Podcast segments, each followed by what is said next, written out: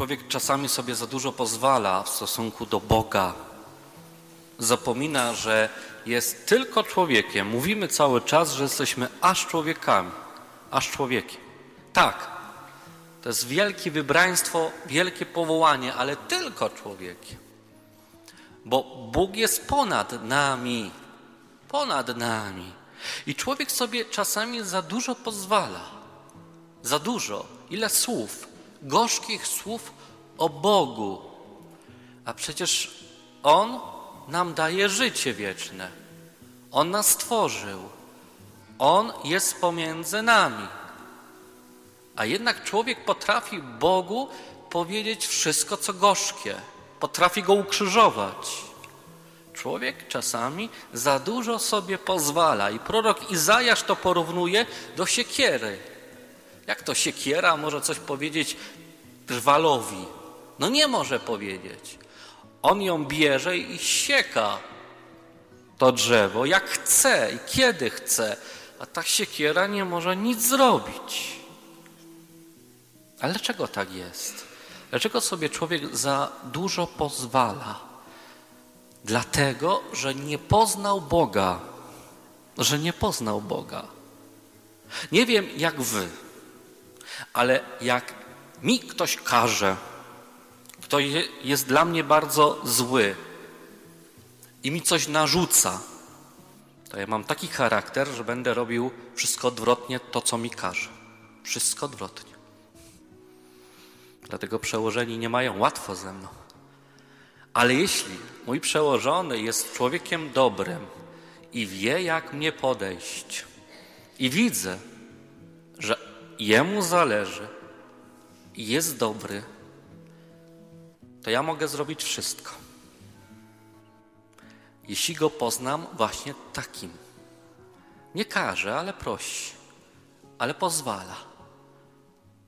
I tak czasami jest z Bogiem że my mamy zły obraz Boga, a szatanowi najbardziej zależy, aby człowiek miał zły obraz Boga, bo jeśli będziemy mieć zły obraz Boga, on nam każe, on nam zabrania, to będziemy się mu sprzeciwiać. Takiego Boga nie chcemy. Boże, Ty jesteś zły. Ty jesteś złym ojcem. Odejdź ode mnie. On jest zły? Czy Bóg jest zły? Zobaczmy, że stworzył wszystko dla nas. Raj stworzył. Raj, przepiękny raj, niebo. I tam umieścił człowieka, najpierw Adama. Wszystko ten Adam miał. Mógł nazwać każde zwierzę tak jak chciał. Wszystko miał. Ale sam Bóg zobaczył, że Adamowi jeszcze potrzebna pomoc, jeszcze potrzebny ktoś do relacji bo niestety ta relacja pomiędzy Bogiem a Adamem, chociaż była doskonała i by mu wystarczyła, jednak Bóg widział, że dla dobra człowieka musi jeszcze kogoś stworzyć. To dał mu Ewę, dał mu kobietę. Tam było sielankowo, tam było przepięknie, to był raj. Wszystko mieli dla siebie. Wszystko. Oprócz jednego drzewa. No Bóg, Bóg postawić im to jedno przekazanie. Dlaczego mógł, a nawet musiał? Dlaczego? Ponieważ mieli wybór. My chcemy mieć wybór. My nie chcemy być niewolnikami. I pierwsi rodzice, Adam i Ewa, też mieli wybór. I dobrze, że mieli ten wybór. Szkoda, że wybrali tak, ale mieli wybór, czyli byli wolni. Ze wszystkich drzew mo mogli jeść. Mogli, ale z tego jednego nie. I co? Znamy, co się później stało. Szatan wchodzi w dialog z Ewą. Nie wchodzimy w dialog z szatanem. On jest bystrzejszy, on nie śpi, on nie je. Jego zadaniem jest zniszczeniem nas. On nie walczy z Bogiem, bo to nie jest ta liga. To nie jest ta liga. On walczy z ludźmi i chce nas zniszczyć. I niestety jest potężniejszy od nas. Bez Jezusa byśmy nie dali sobie rady. Z Jezusem go pokonamy. Już żeśmy go pokonali. Tutaj, w Ukęcinie. Kiedy wy jesteście, kiedy się spowiadacie, kiedy przyjmujecie komunię świętą, on jest przegrany. Dzisiaj jest przegrany. I on wchodzi w dialog z Ewą i już przekształca obraz Boga automatycznie. Prawda jest taka, że mogli jeść ze wszystkich drzew z tego ogrodu, a on jej ukazuje Boga jako tyrana. Czy to prawda, że nie możecie jeść ze wszystkich drzew z tego ogrodu? Ewa na początku opiera się, ale już, już, już coś tam jest, nie, nie jest tak, jak powinno być. Dlaczego? Bo mówi nie, możemy jeść, tylko z tego jednego nie możemy jeść, nawet nie możemy podchodzić, nawet nie możemy patrzeć. Tak Bóg nie mówił. Ona sobie dodała te przykazania. Macie nie jeść. Możecie patrzeć. Dlaczego nie? Macie nie jeść z tego drzewa. Ewa sobie dodaje. I szatanowi to pasuje. O, już jest moja. Zjedz, zobacz, przecież dobry owoc. Tak naprawdę Bóg by chciał, żebyście zjedli z tego drzewa. I niestety poległa. Niestety Adam również. I co się stało? Uciekają przed Bogiem. Konsekwencje grzechu. Miało być ślankowo dalej. Nic się nie miało stać. Grzech nie jest niczym dobrym, ale zabronionym, ale jest zawsze śmiercią. Żyje w łasce uświęcającej. Szatan mi podpowiada zgrzesz. Ja wchodzę z nim w dialog. On mówi, nic się nie stanie, tym razem się nic nie stanie. Upadam i wszystko się psuje. Zaczyna się moja śmierć i źle się czuję. Konsekwencje grzechu, które zawsze przychodzą albo automatycznie, od razu, albo za chwilę, albo za parę lat dopiero przyjdą te konsekwencje. I szatan mówi: Jesteście już beznadziejni, już jest po was. Bóg was nie kocha. Bóg was skreśla. Nie, nie, nie, szatanie. Bóg nie skreśla człowieka. Konsekwencje grzechu są takie, żeśmy musieli opuścić raj. Raj został zamknięty przed człowiekiem. Człowiek już nie miał tak sielankowo, musiał pracować, pocić się, żeby mieć pokarm, mieć, e, mieć y, życie, ale go nie zostawił. Bóg od razu chciał pomóc człowiekowi i pomagał w różnych etapach tej, tego rozwoju człowieka. Prorocy również przychodzili po to, żeby objawiać prawdę o Bogu. Dzisiaj żeśmy o tym śpiewali w hymnie. Pan nie odrzuca ludu wybranego. Ile razy oni zgrzeszyli, a Bóg zawsze był wierny swojej obietnicy. I tak się stało. Jezus Chrystus przychodzi na świat. Bóg stał się człowiekiem, moi drodzy. I mówiliśmy o tym, że pierwszym zadaniem Jezusa, celem Jezusa po przyjściu na świat było zbawienie ludzi. To jest najważniejszy cel Jezusa. On przyszedł po to, żeby nas zbawić. Tak. On został ukrzyżowany na innym drzewie. Na drzewie niby śmierci które pokonało śmierć i dało nam życie. To jest ten cel pierwotny. On nam otworzył przez swoją śmierć i zmartwychwstanie niebo znowu. Człowiek umiera i może znowu wrócić do nieba. Ale kolejnym celem przyjścia Jezusa na świat to jest powiedzenie prawdy o Bogu, że Bóg nie jest tyranem. Bóg nie, nie chce dla nas nic złego. Bóg nas bardzo kocha. Jezus przez swoją osobę chciał nam pokazać, jak zależy na, na, na Bogu ja i Ty, jak mu zależymy Mu na nas. On chciał nam to przekazać. I pamiętacie na pewno tą piękną, e, piękną e, przypowieść o synu marnotrawnym. Niektórzy ją nazywają Ojcu Miłosiernym. Dlaczego? Bo ten syn ten łotr, bym powiedział, przyszedł do swojego ojca i mówi: Daj mi połowa majątku. Ja nie chcę tutaj być z tobą, ja po prostu odchodzę. Odchodzę, nie chcę z tobą być. Daj mi, ja chcę się bawić, ja chcę używać tego życia. I dał mu ojciec. I on odszedł. I po czasie, kiedy stracił wszystkie pieniądze, już miał gorzej niż świnie. Bo tak Grzech może nas doprowadzić do takiego stanu, gorzej niż świnia. Będziemy się toplać w tym świecie, ale jest zawsze droga do Ojca.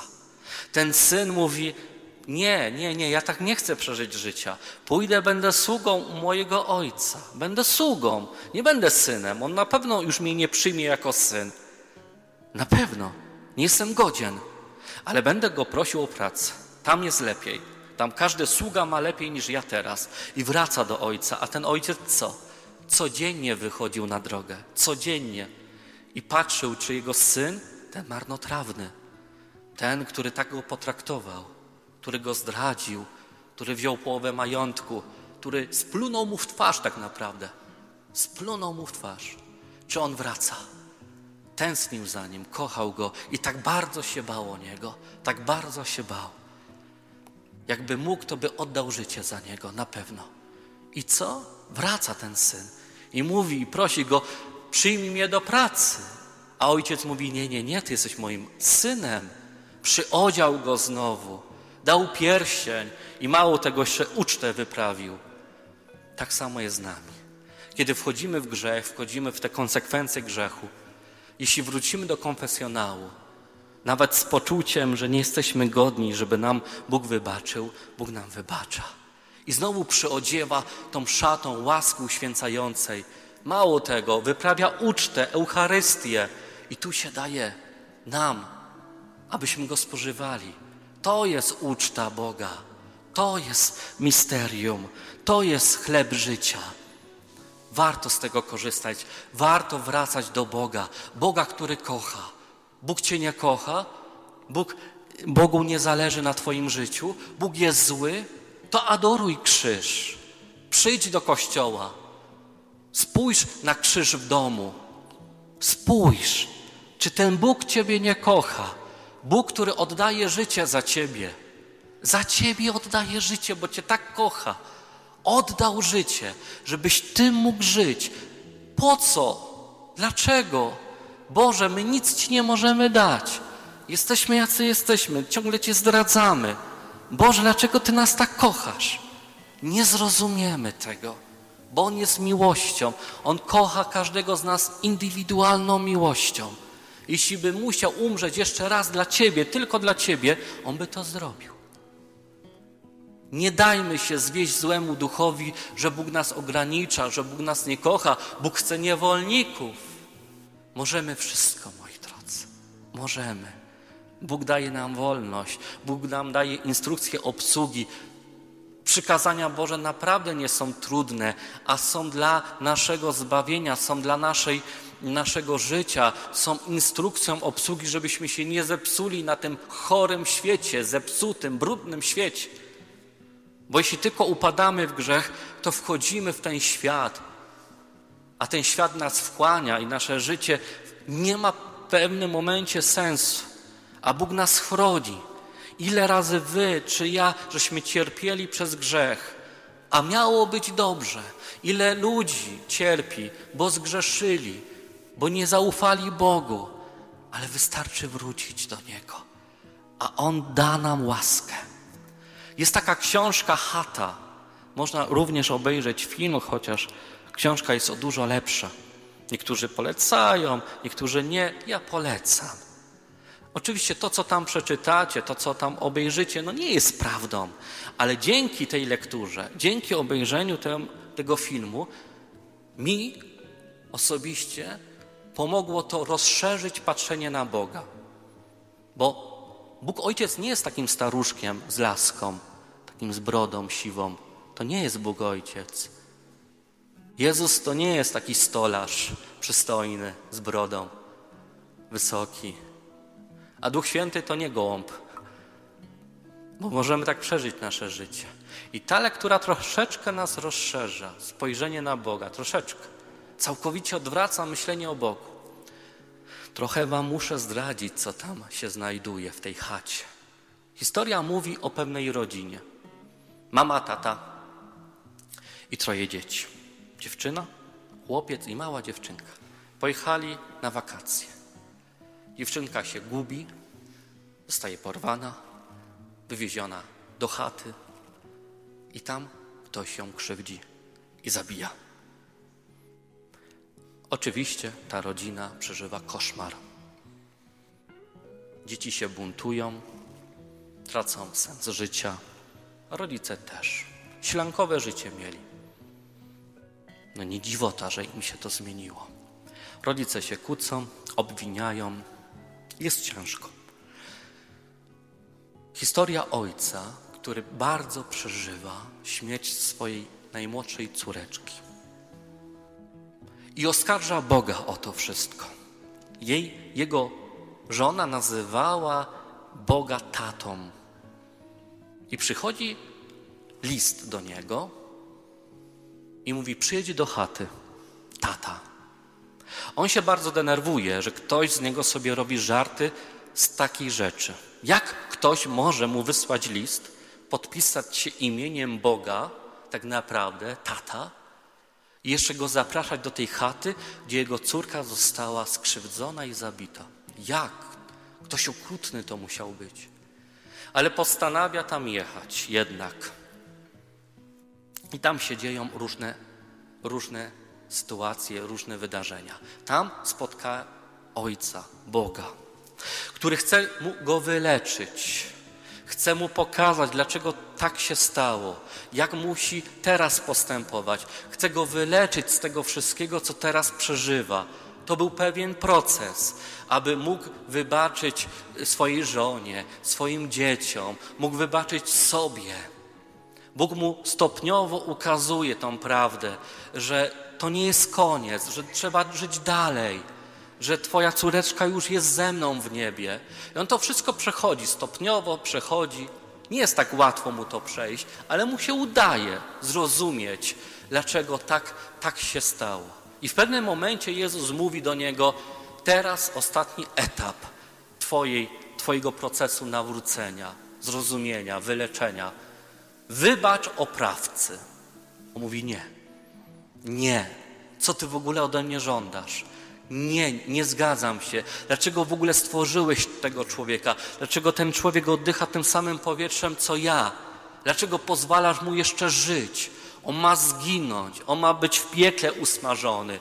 On ma nigdy, nigdy ma nie powstać już do żywych. Nigdy, mówi Jezus do niego. Super, świetnie sobie radzisz z sądzeniem ludzi. Świetnie sobie to z tym się poradziłeś. Siadaj, siadaj. Teraz to ty będziesz sądził. Ja ci oddaję władzę. Jeśli ci się wydaje, że to takie jest łatwe, to ja ci to daję. Władzę sądzenia. Siadaj, proszę bardzo. Osądzisz swoje dzieci na początku. Córkę i syna. Twoja córka, która się pojawia, mówi, ona cię oszukuje. Ona wychodzi z domu po nocach. Ona, już nie pamiętam, ale wiele tam grzechów wymienia, nie będę kłamał. I tak samo syn, który się bardzo zamknął w swoim świecie po tej, po tej śmierci tej swojej małej e, siostrzyczki, który też oszukiwał, uznajmy, że brał narkotyki, pił alkohol i tak dalej. Proszę, kogo najpierw do piekła dajesz? Nikt cię nie słucha, wszyscy cię oskarżają, wszyscy cię okłamują. Kogo?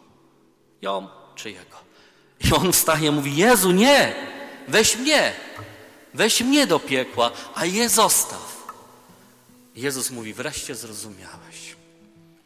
Wreszcie zrozumiałeś to, co czuje Bóg. Wolał, wolał, wolał umrzeć sam na krzyżu, niż żeby umierało jego chociaż jedno dziecko. Bogu nie jest łatwo kogoś posłać do piekła. Nie jest łatwo.